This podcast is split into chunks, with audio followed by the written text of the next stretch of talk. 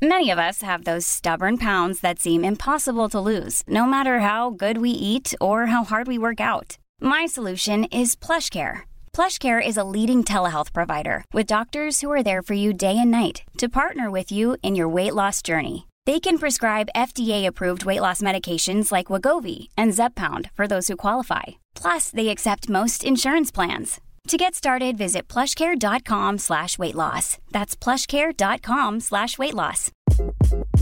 Hi, this is Craig Robinson from Ways to Win, and support for this podcast comes from Invesco QQQ. Invesco QQQ is proud to sponsor this episode and even prouder to provide access to innovation for the last 25 years. Basketball has had innovations over the years too. We're seeing the game played in new ways every day. Learn more at Invesco.com slash QQQ. Let's rethink possibility. Invesco Distributors, Inc.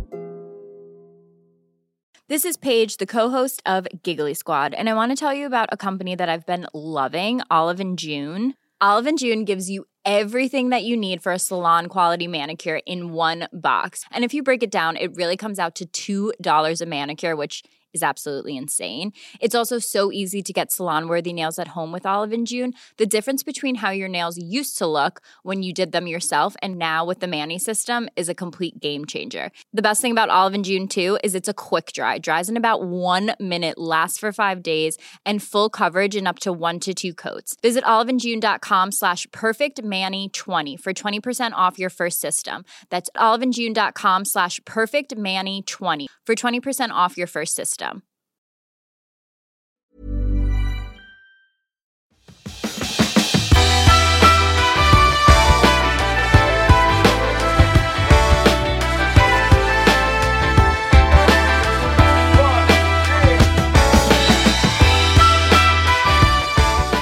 Hej och välkommen tillbaka till Klimakteriepodden med mig, Åsa Melin.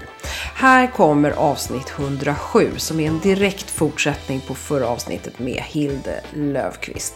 Du behöver inte ha hört det för att hänga med här, men det kan ge lite mer förklaring till bakgrunden. Där pratade vi väldigt mycket om hennes bok Hormonkarusellen och varför hon har skrivit den. Här i det här avsnittet så kommer Hilde svara på ett antal frågor som rör just hormonbehandling och hälsa för oss kvinnor. Så välkommen att lyssna.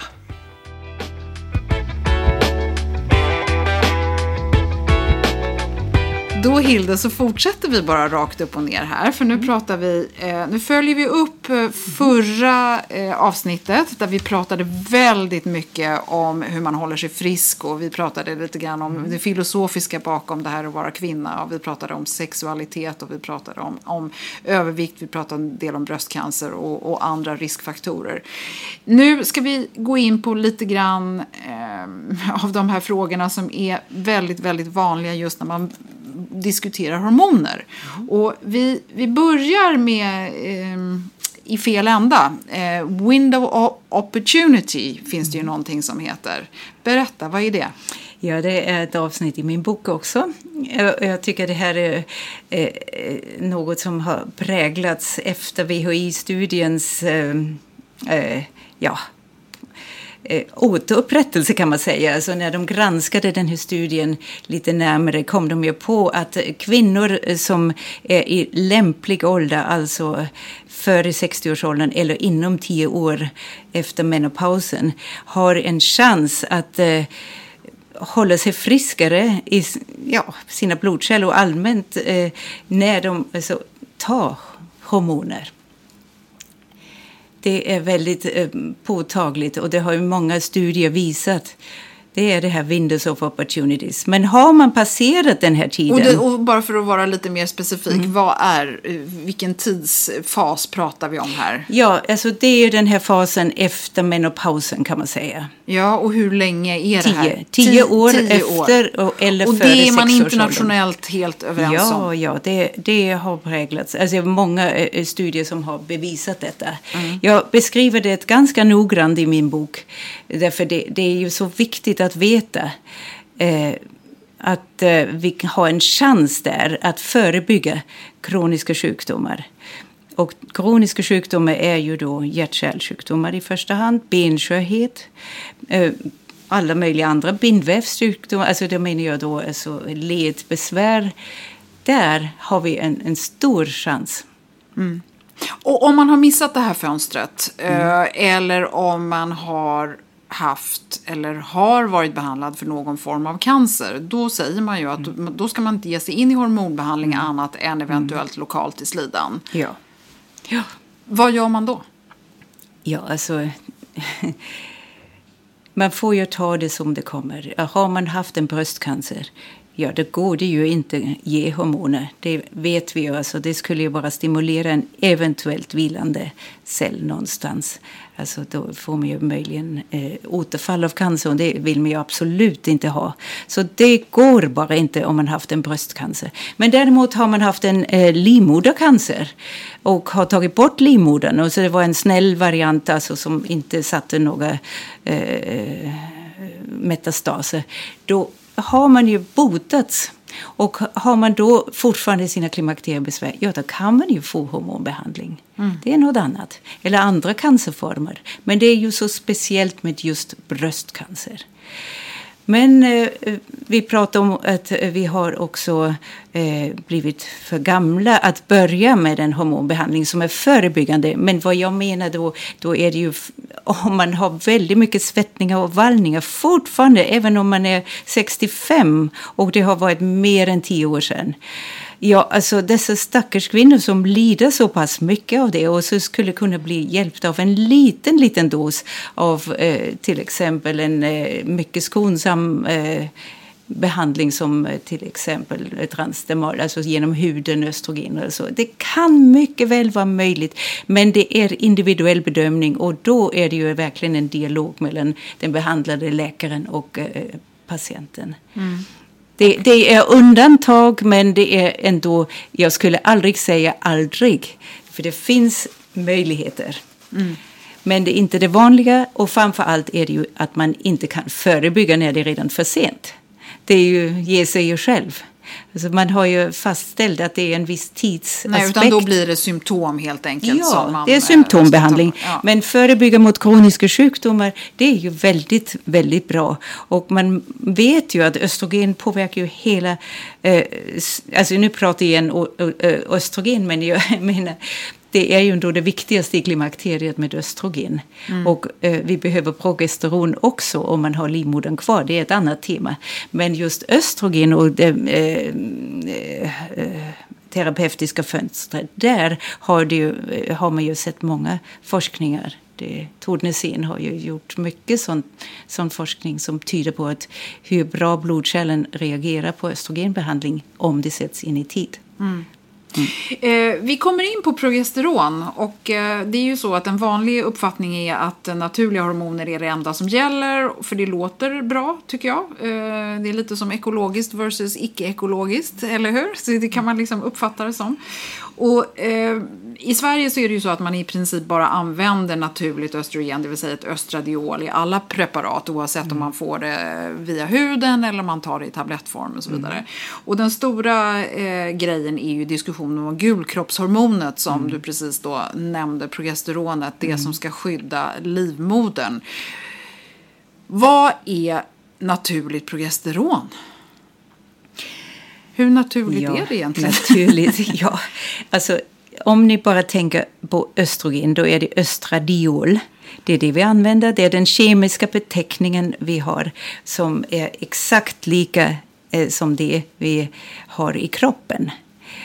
Och det är samma med progesteron. Bioidentiskt progesteron det är ju bara exakt samma som vi har under graviditet och efter ägglossning. Det är hormon som heter helt enkelt progesteron. Det är samma ämne.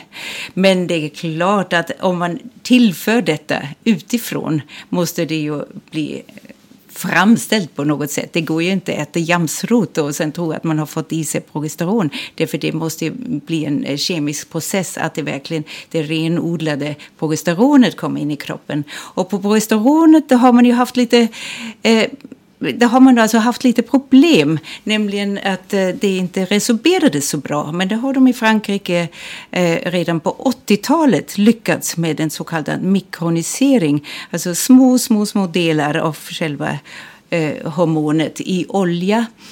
Eh, i en kapsel, kan sväljas, tas upp i kroppen. Mycket bra och det har gjorts studier på det att det även når livmodern och skyddar livmodern. Det är det som är det viktiga. Så att det har funnits i Frankrike och Frankrike har haft en lång tradition att behandla med detta.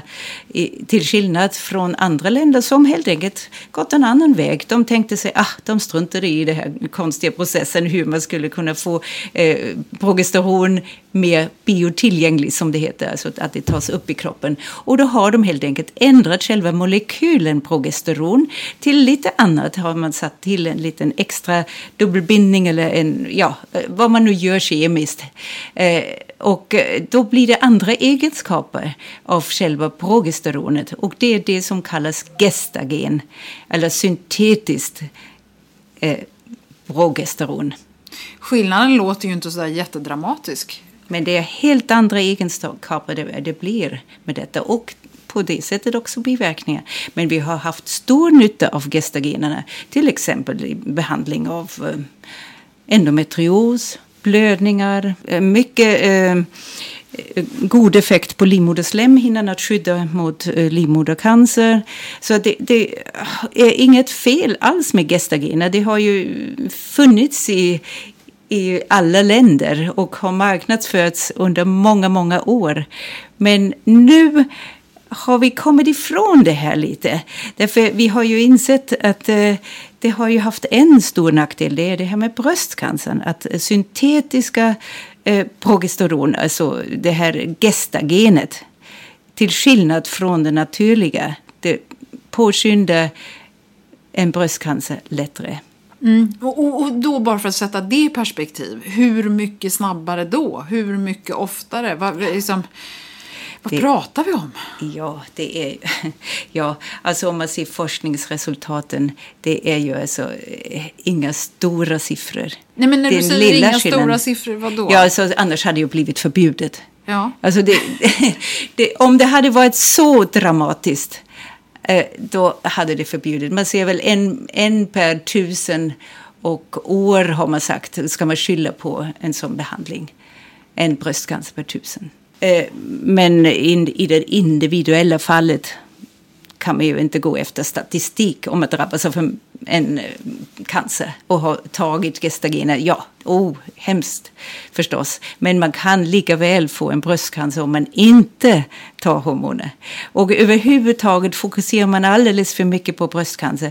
För det är farligare att eh, vara överviktig och det är farligare att dricka för mycket alkohol. Alltså tänk bara på detta. Och det är mycket viktigt att man kan minska sin bröstcancerrisk genom en positiv livsstil och gå ner i vikt och träna.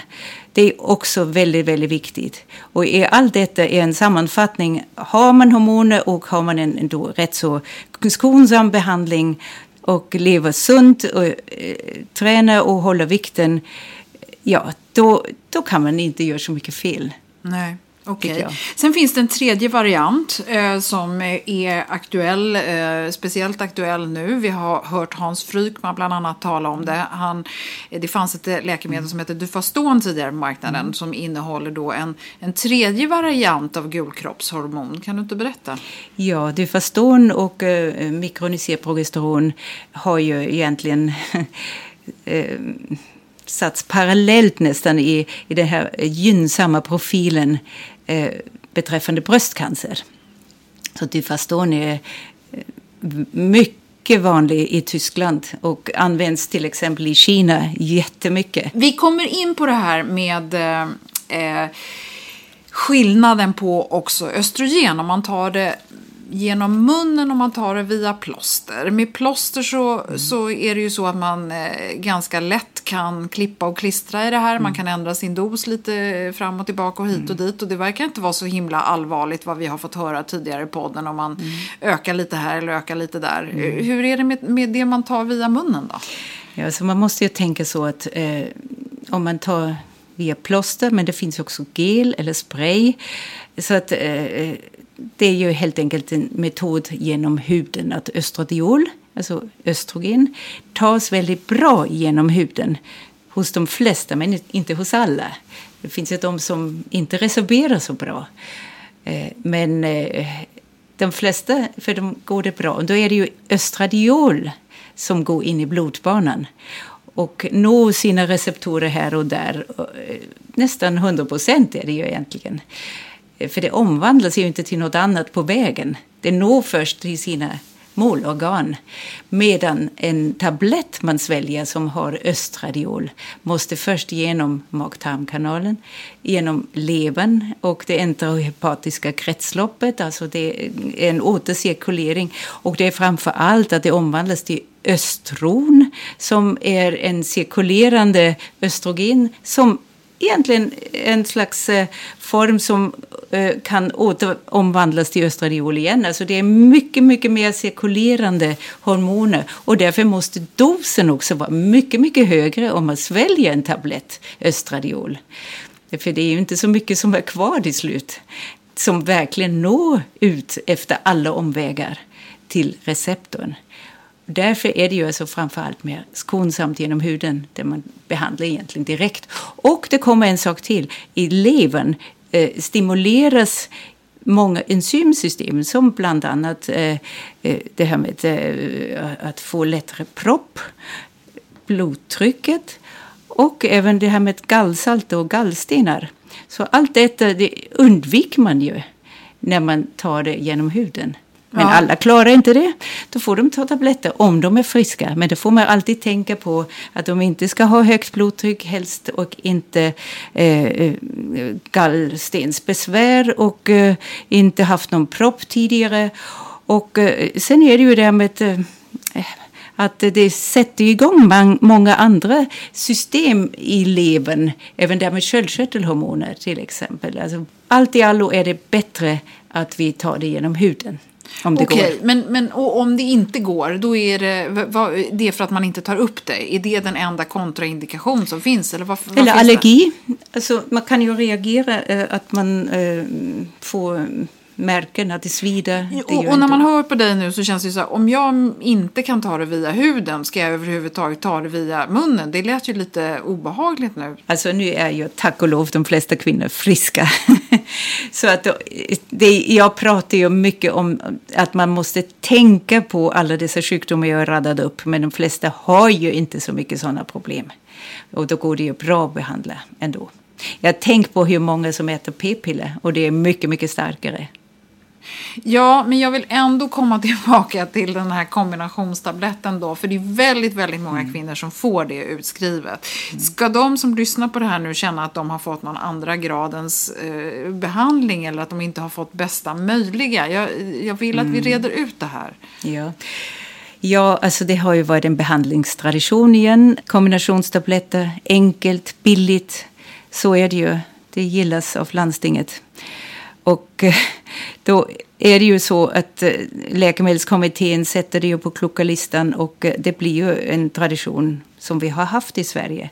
Men det har vänt. Jag tror att det är just SFOG och riktlinjer där, eh, där vi eh, ändå börjar rekommendera mer skonsamma behandlingar, alltså i alla avseenden. Och då hör ju det ena till att vi ger östrogen genom huden helst och sedan eh, att vi ska vara försiktiga med progesteron, alltså eller gestagener egentligen. För progesteron är ju bättre än gestagener i första hand. Och eh, alternativ eh, är då att man kanske kan sätta in en hormonspiral. Det är ju också en väldigt, eh, ett väldigt skonsamt sätt att eh, minska det här totalmängden gestagen för hela kroppen. För det går inte ut så mycket i blodbanan.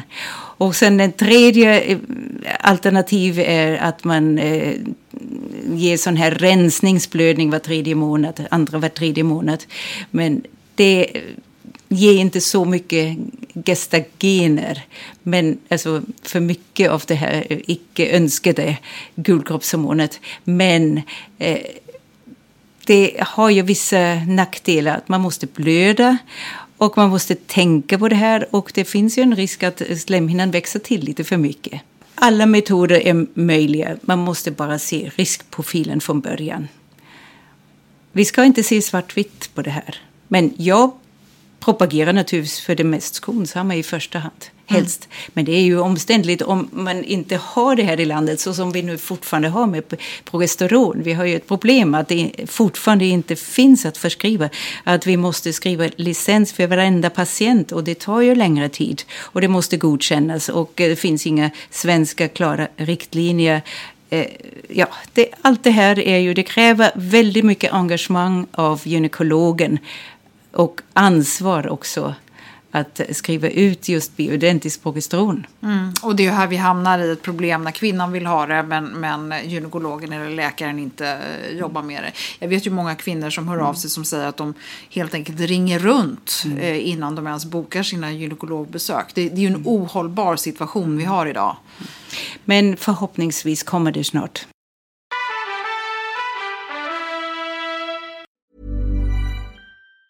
Planning for your next trip? Elevate your travel style with Quince. Quince has all the jet setting essentials you'll want for your next getaway, like European linen, premium luggage options, buttery soft Italian leather bags, and so much more. And it's all priced at 50 to 80% less than similar brands. Plus, Quince only works with factories that use safe and ethical manufacturing practices. Pack your bags with high-quality essentials you'll be wearing for vacations to come with Quince. Go to quince.com slash trip for free shipping and 365-day returns. There's never been a faster or easier way to start your weight loss journey than with PlushCare.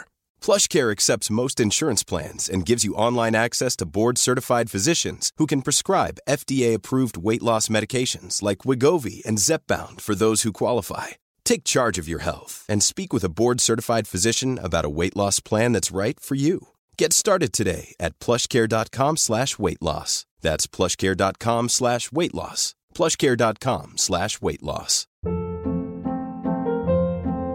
Hold up. What was that? Boring. No flavor. That was as bad as those leftovers you ate all week. Kiki Palmer here, and it's time to say hello to something fresh and guilt-free. Hello Fresh. Jazz up dinner with pecan-crusted chicken or garlic butter shrimp scampi. Now that's music to my mouth. Hello Fresh. Let's get this dinner party started. Discover all the delicious possibilities at hellofresh.com. Det är härligt att klimakteriets tabu äntligen är på väg bort. Vill man försöka klara sig utan hormonbehandling så finns nu många nya kosttillskott som lovar bland annat hormonell balans och som ska stötta brister. Jag vill lyfta min räddare i nöden, Femarel. Det har inte bara varit min utan många andra kvinnors räddning i över 20 år. Och med lång tid på marknaden, med nöjda användare, dessutom med 20 forskningsstudier så vågar jag säga att det kan vara en god idé att prova Femarel. Femarel finns på apoteken och i hälsokostbutiker. Tack Femarel som varit min samarbetspartner i många år.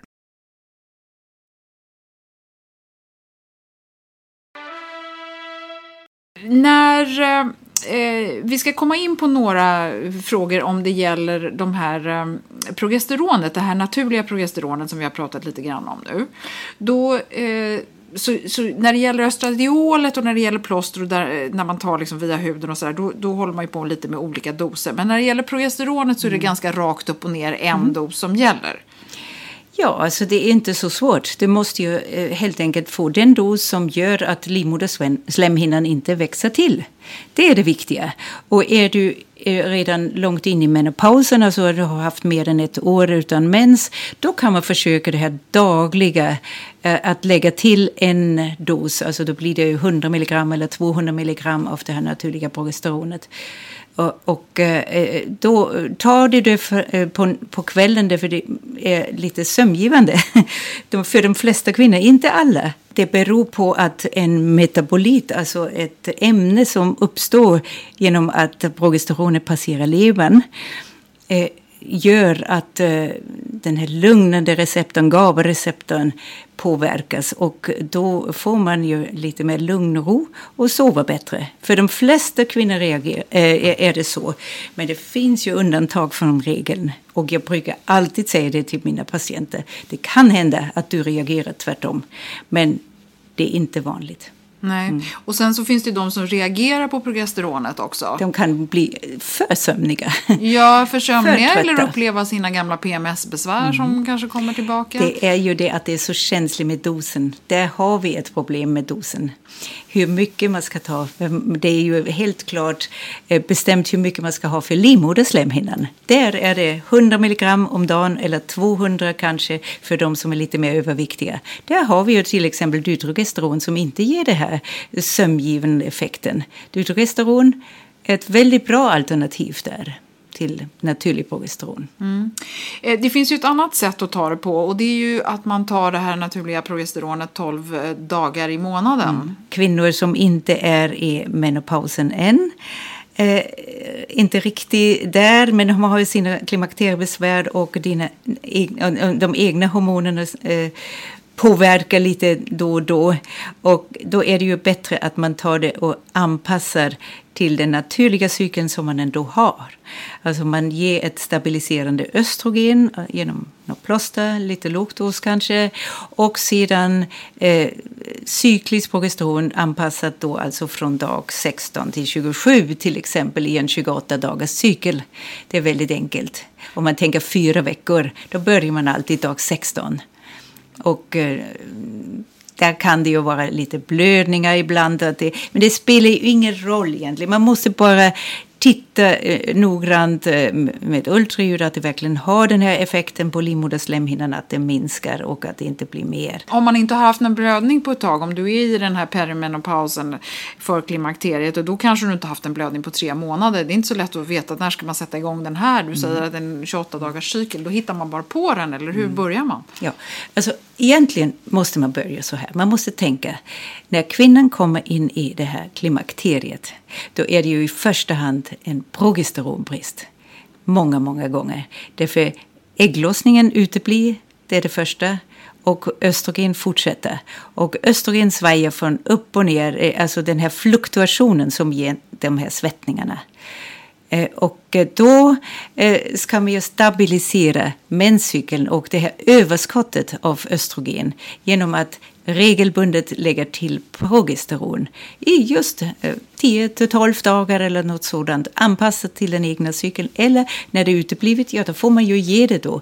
Och då behöver man inte bara ta progesteron, då kan man ju också ta en kur tillfälligt med gestagener bara för att rensa och eh, få helt enkelt så, som en dator att, att, starta om kan man säga. Att man måste ju få bort den här slemhinnan för att allt eh, nytt kan eh, starta igen. Att kanske även de egna hormonerna kan komma igång igen. Mm. Så är det. det. Men det är en komplicerad sak. Det är ju början.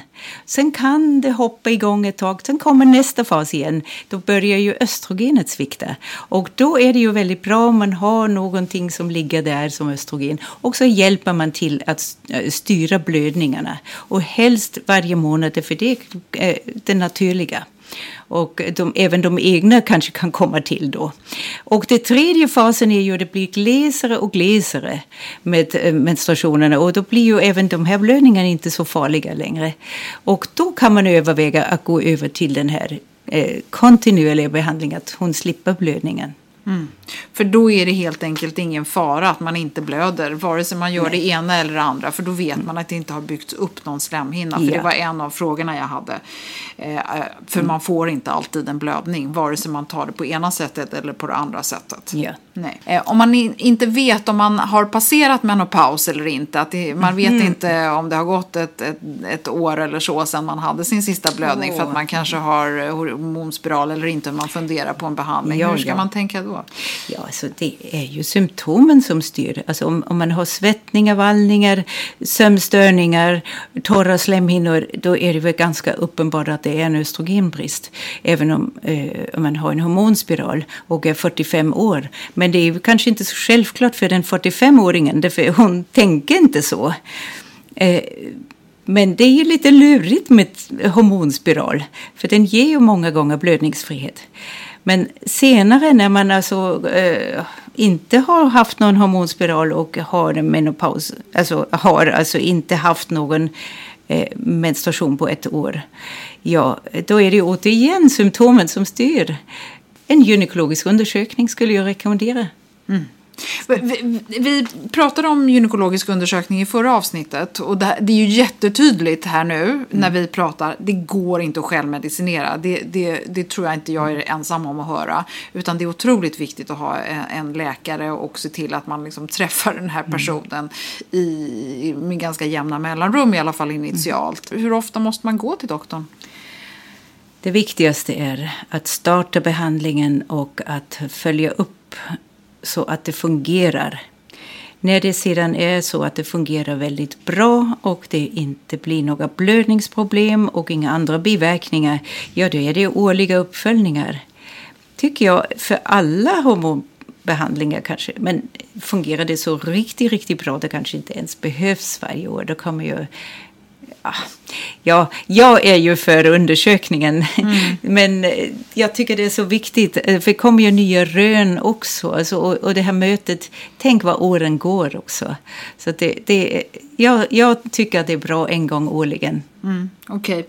Okay. Eh, finns det en till, tillvänjningsfaktor med hormoner? Finns det en anledning att justera doserna för att man vänjer sig? Alltså, eh, klimakteriebesvären minskar ju med åren om det är så kanske att man inte behöver så höga doser senare därför den riktiga stormtiden den är ju värst kring 50 eller strax innan. Den här perimenopausen, alltså, den är ju den värsta tiden har man mest besvär. Så om besvären minskar behöver man kanske inte ha så höga doser, det kan man ju naturligtvis testa. Och då är ju också frågan när ska man sluta, när vet man det? Det vet man inte heller egentligen om man inte har slutat slutat och, och kände oj, nu kommer mina besvär tillbaka. Så, eh, men en, att vänja sig, jag tror inte det är så att eh, man alltid ska ha den där höga dosen. Tvärtom, man kan ju faktiskt gå ner det äldre man blir. Men det ska ju vara så lägsta möjliga dos, men det ska vara effektivt så att alla besvär är borta. För annars är det ingen idé. Det finns ju en del kvinnor som eh, tycker att de vill göra på lite annat sätt och man vill eh, ta lite andra doser än vad man blir rekommenderad och som du har pratat om här. Eh, vi har också funderat på huruvida man kan använda utrogesten, det naturliga progesteronet istället för gestagener för utglesning. Kan du berätta hur du ser på det? Ja, det är väldigt viktigt att man håller sig till evidensbaserad medicin i detta eh, hänsyn. Eh, och evidensbaserad, det betyder det det finns vetenskapliga studier på? Ja, evidens. Mycket studier har gjorts. Och eh, progesteron är ju väldigt bra att eh, kunna använda precis som gestagen eh, för att skydda livmoderslemhinnan mot oönskad tillväxt. Det är ju så hyperplasi, det är början till att det blir för mycket av det goda. Alltså man måste ju tänka att östrogen eh, är stimulerande för livmoderslemhinnan. Och då växer det till och jag brukar ju alltid jämföra detta med en gräsmatta när det blir regn och det blir en fin grön gräsmatta. Och om man inte har en gräsklippare då växer det ju för mycket och till slut blir det ogräs och det är inte bra. Så vi måste hålla gräsmattan precis lagom fin för att det inte skulle bli något oönskat. Och då finns det ju olika metoder. Antingen att man hela tiden klipper, alltså varje dag. Det är då alltså eh, progesteron eller gestagen som skyddar för eller det hormonspiral då? Ja. ja, eller, ja, det är gestagen. Mm. Hormonspiral lokalt eller tabletter eller vagitoria i så fall progesteron. Sedan eh, är den andra metoden när man låter det växa till lite. Och eh, så lagom återigen eh, eh, klippa av så att det blir som från början. Så att man har den här cykeln som brukar vara när man är i fertil ålder. Alltså det är också det naturliga progesteronet som hjälper till att det inte blir för mycket. Och om detta är i balans, ja då blir det ingen oönskad tillväxt. Men om man nu är i klimakteriet och har en eh, behandling med östrogen och eh, vill slippa blöda så ofta, då har man hittat på den här metoden att vänta lite, låta växa lite mer och sen efter två, tre månader eh, ge en kur för att ja, få den här klippningen. Det finns inga evidensbaserade studier, alltså vetenskapligt beprövade studier som säger att det inte på slutet ändå blir för mycket av det goda, alltså en tillväxt som är oönskad. Och det handlar om åratal, kanske fem år eller mer. Men vi vill ju ha den här goda hormonbehandlingen i många år och då ska vi inte sabba det för oss själva att eh, få för mycket slemhinnor som till slut inte går att kontrollera. Det bästa för livmodern är naturligtvis att ha hela tiden ett skydd, varje dag. Eh, utglesningen är egentligen det sämsta, därför då låter man ju eh, det växa till ganska länge utan kontroll det är okej, okay, bara det handlar om att man kontrollerar ordentligt. Och det ska man ju aldrig bara göra själv. Alltså man måste ju lita på en läkare som hjälper dig att kontrollera den här livmoderslemhinnan. Men eh, jag tycker, varför inte hålla sig till de metoder som finns? Där finns studier på och där, eh, då har vi säkerheten. Nej, och då är väl det att vissa kvinnor, framförallt i förklimakteriet, de upplever då att progesteronet ger dem lite mellanblödningar och det kan bli besvärande i sin tur. Ja, men det är ju ingen fara det, är, det ger ju ingen cancer, Nej. dessa mellanblödningar. Du, eh, jag vill också tänka på det här med eh, progesteronet som man kan ta både oralt och gen, i vaginan. Eh, tidigare så pratade vi om att eh, östrogen genom huden är skonsammare än att ta det oralt för, mm. för kroppen för det behöver inte passera lever och så vidare. Är det samma sak med progesteronet? Ja, problemet är ju att progesteron inte tas upp genom huden lika bra. Det är mycket, mycket sämre och det finns inga eh, studier som bevisar att det är en god effekt på livmoderslemhinnan. Så att vi kan inte använda progesterongrämen eh, som om det vore en kapsel att svälja eller en, ett vagitorium. Därför det når inte livmodern.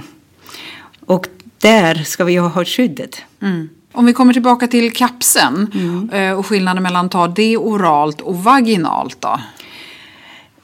Det finns kvinnor som blir väldigt trötta, det nämnde jag förut, och eh, kanske inte alls mår bra psykiskt, att det blir för mycket dämpning med progesteron. Och eh, då är det ju ett sätt att ta en kapsel vaginalt. Då slipper du den här omsättningen i levern där det blir just eh, det här ämnet som påverkar hjärnan så starkt. Det blir mycket, mycket svagare. För mycket känsliga kvinnor är kanske det även det är svårt. Eh, vi pratar om östrogen eh, och progesteron i förklimakteriet innan när det är väldigt svajigt upp och ner. Att progesteronet då ger mest effekt om man ger det under mellan dag 12 och 28 i cykeln där det, man naturligt saknar det. När man kommer längre i perioden då ger man det ju varje dag. Har, kan du förklara hur, hur man gör den switchen? När vet man när det är dags? Eh jag brukar ju göra så att eh, cyklisk behandling kanske ett år och sen försöker vi gå över till en kontinuerlig behandling. Och om inte det fungerar då kan man helt enkelt göra en liten paus i varje månad. I två, tre, fyra, fem dagar med hormoner för att ge kroppen en chans att återhämta sig kan man säga. Blir det kanske en liten blödning, om man alltså tar kontinuerlig behandling 25 dagar, sen tar man en paus på fem dagar, då har man en månad. Och då, eh, och då menar du paus från bli... både östrogen ja, och ja. gestagen eller progesteron? Precis, men framför allt progesteron för då ger det en chans att blöda ut. Och det, det oavsett om man väljer att ta det oralt eller vaginalt. Ja. Du delar med dig av din information nu i din nya bok eh, Hormonkarusellen. Och eh, om man kommer till en gynekolog och har läst på och har lyssnat på dig och, och, så vet inte gynekologen eller läkaren riktigt vad man pratar om. Kan de få eh, ta kontakt med dig? Ja, alltså jättegärna. Jag har ju ändå sysslat med detta eh, med bioidentiska hormoner i 15 år. Inte så mycket i början, men mycket nu i, i slutet. Och jag har åkt mycket på eh, utländska kongresser om detta. Så att jag har en del erfarenhet som andra kanske inte har. Och jag delar jättegärna med mig eh, bara eh, hör av dig till eh, Cevita Care eller till mig personligen. Absolut sista frågan här nu. När man gör den här gynekologiska undersökningen, vad, vad är det som är viktigt att titta på där? Vad, vad, är, vad är det man ser och vad är det som eventuellt skulle kunna upptäckas som faror? För att mm. vi har hört tidigare faktiskt i podden här att man har sagt att egentligen behöver man inte ta några prover och egentligen behöver man inte ens göra en gynekologisk undersökning för det är symptomen man ska gå på. Mm, nej, alltså, det tycker inte jag. Jag tycker det är det vi har lärt oss, vi gynekologer. Att titta, att undersöka, bedöma helheten. Och eh, där har vi ju då slemhinnorna, livmodern, eh, äggstockarna. Alltså man kan ju upptäcka eh, förändringar. Men nu är ju det där med eh, ultraljud, om man ser, eh, om allmänläkare skulle göra en gynekologisk undersökning, vilket de också lär sig, de måste ju kunna det också. Då har de ju inte tillgång till ultraljud. Hur man löser den frågan, det är ju en annan fråga. Det kan ju inte jag lösa. Men jag vet ju till exempel har, har jag kontakter i Österrike och där har ju till exempel en god vän som är allmänläkare och hon behandlar mycket med hormoner men hon har ju sina gynekologer hon skickar till för en ultraljudsundersökning. Så det är en annan modell. Där ska vi komma långt med en menopausmottagning. Det är ju sånt som de har i, i England. Då har de ju skapat menopausmottagningar just för kvinnor i den här åldern. Och alla faror som kan komma i den här åldern. Alltså vi, vi börjar ju få lite problem med det ena och det andra. Så att vi har helt enkelt en kontroll över vår hälsa. Mm. Så att vi inte missar någonting. Återigen, preventiva åtgärder, det är det viktigaste. Mm. Helhetshälsa, mm. det är yeah. det nya, höll jag ja. på att säga, det nya gamla. Oh, Okej Hilde, herregud, det är så stort det här ämnet. Mm. Har vi komplicerat det här nu för lyssnaren? Vet inte. Nej. Du kan så mycket, du har sån erfarenhet så att jag uppskattar verkligen att du har eh, tagit dig tid här. Mm. Avslutningsvis, vad, vad vill du skicka ut till kvinnan där Hilde? Ja, var inte rädd. Det är helt enkelt så att du ska tänka på att må bra och eh, vara harmonisk och hormonerna är en liten del men en viktig del i det hela. Mm. Vare sig man behöver tillföra dem eller ej. Mm. Mm. Tusen tack Hilde. Jag är så glad för att uh, få träffa dig och lära känna dig lite bättre. Och är, vi har intressanta samtal även mm. utan mikrofon. Så att, uh, jag hoppas att vi fortsatt lycka till och kämpa på. För du uh, får inte ge upp nu. Du får jobba många år till och se till att du får nya kollegor efter dig med samma kunskap. Ja, det är det viktigaste. Mm, tack. tack.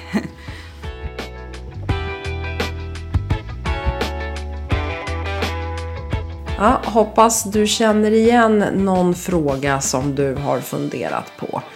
Jag har verkligen försökt mitt bästa för att få med så mycket som möjligt och så brett som möjligt. I Hilde Löfqvists bok Hormonkarusellen så finns det också en sektion med frågor och svar som jag tycker är väldigt intressanta. Som är liksom lite kortare delar och sen så har hon också då, eh, som jag nämnde i förra avsnittet, så har hon också just det här med de här hypotetiska fallen som jag tycker är spännande och hur hon väljer att behandla de här för det är inte alls samma lika. Det tycker jag var otroligt eftersom, intressant eftersom det verkligen visar att vi är så olika. Och det går liksom inte att bara kopiera någon annans sätt att behandla sig själv eller det som man har blivit ordinerad. Så att eh, individualiseringen är superviktig. Det börjar bli hög tid för ett avsnitt om sköldkörteln. Att det är komplicerat har jag förstått när jag har försökt få tag på någon kunnig person och ställa upp. Det finns otroligt mycket åsikter om den här lilla körteln och det är uppenbarligen inte så lätt att tala om i generella termer.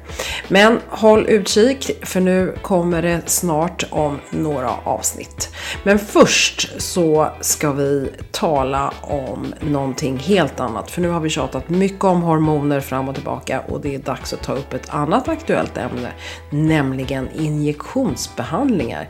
Ja, och nu snackar vi yta, skönhet och ungdom. Lyssna till varför det är så otroligt populärt, psykologiska faktorer och varför en reglering är nödvändig. Möt sjuksköterskan Amanda Siberg i nästa avsnitt.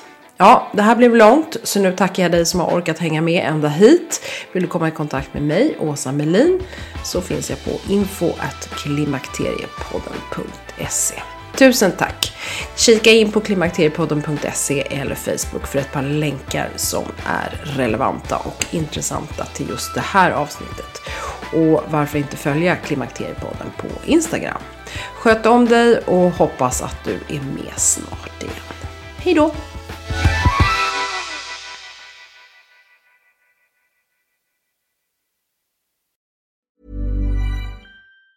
Planning for your next trip? Elevate your travel style with Quince. Quince has all the jet setting essentials you'll want for your next getaway, like European linen, premium luggage options, buttery soft Italian leather bags, and so much more. And it's all priced at 50 to 80% less than similar brands. Plus, Quince only works with factories that use safe and ethical manufacturing practices. Pack your bags with high-quality essentials you'll be wearing for vacations to come with Quince. Go to quince.com slash trip for free shipping and 365-day returns. Hi, I'm Daniel, founder of Pretty Litter. Cats and cat owners deserve better than any old-fashioned litter. That's why I teamed up with scientists and veterinarians to create Pretty Litter. Its innovative crystal formula has superior odor control and weighs up to 80% less than clay litter. Pretty Litter even monitors health by changing colors to help detect early signs of potential illness. It's the world's smartest kitty litter. Go to prettylitter.com and use code ACAST for 20% off your first order and a free cat toy. Terms and conditions apply. See site for details. Hey, it's Paige DeSorbo from Giggly Squad. High quality fashion without the price tag? Say hello to Quince. I'm snagging high end essentials like cozy cashmere sweaters, sleek leather jackets, fine jewelry, and so much more. With Quince being 50 to 80% less than similar brands. And they partner with factories that prioritize safe, ethical, and responsible manufacturing. I love that. Luxury quality within reach. Go to quince.com slash style to get free shipping and 365 day returns on your next order. Quince.com slash style.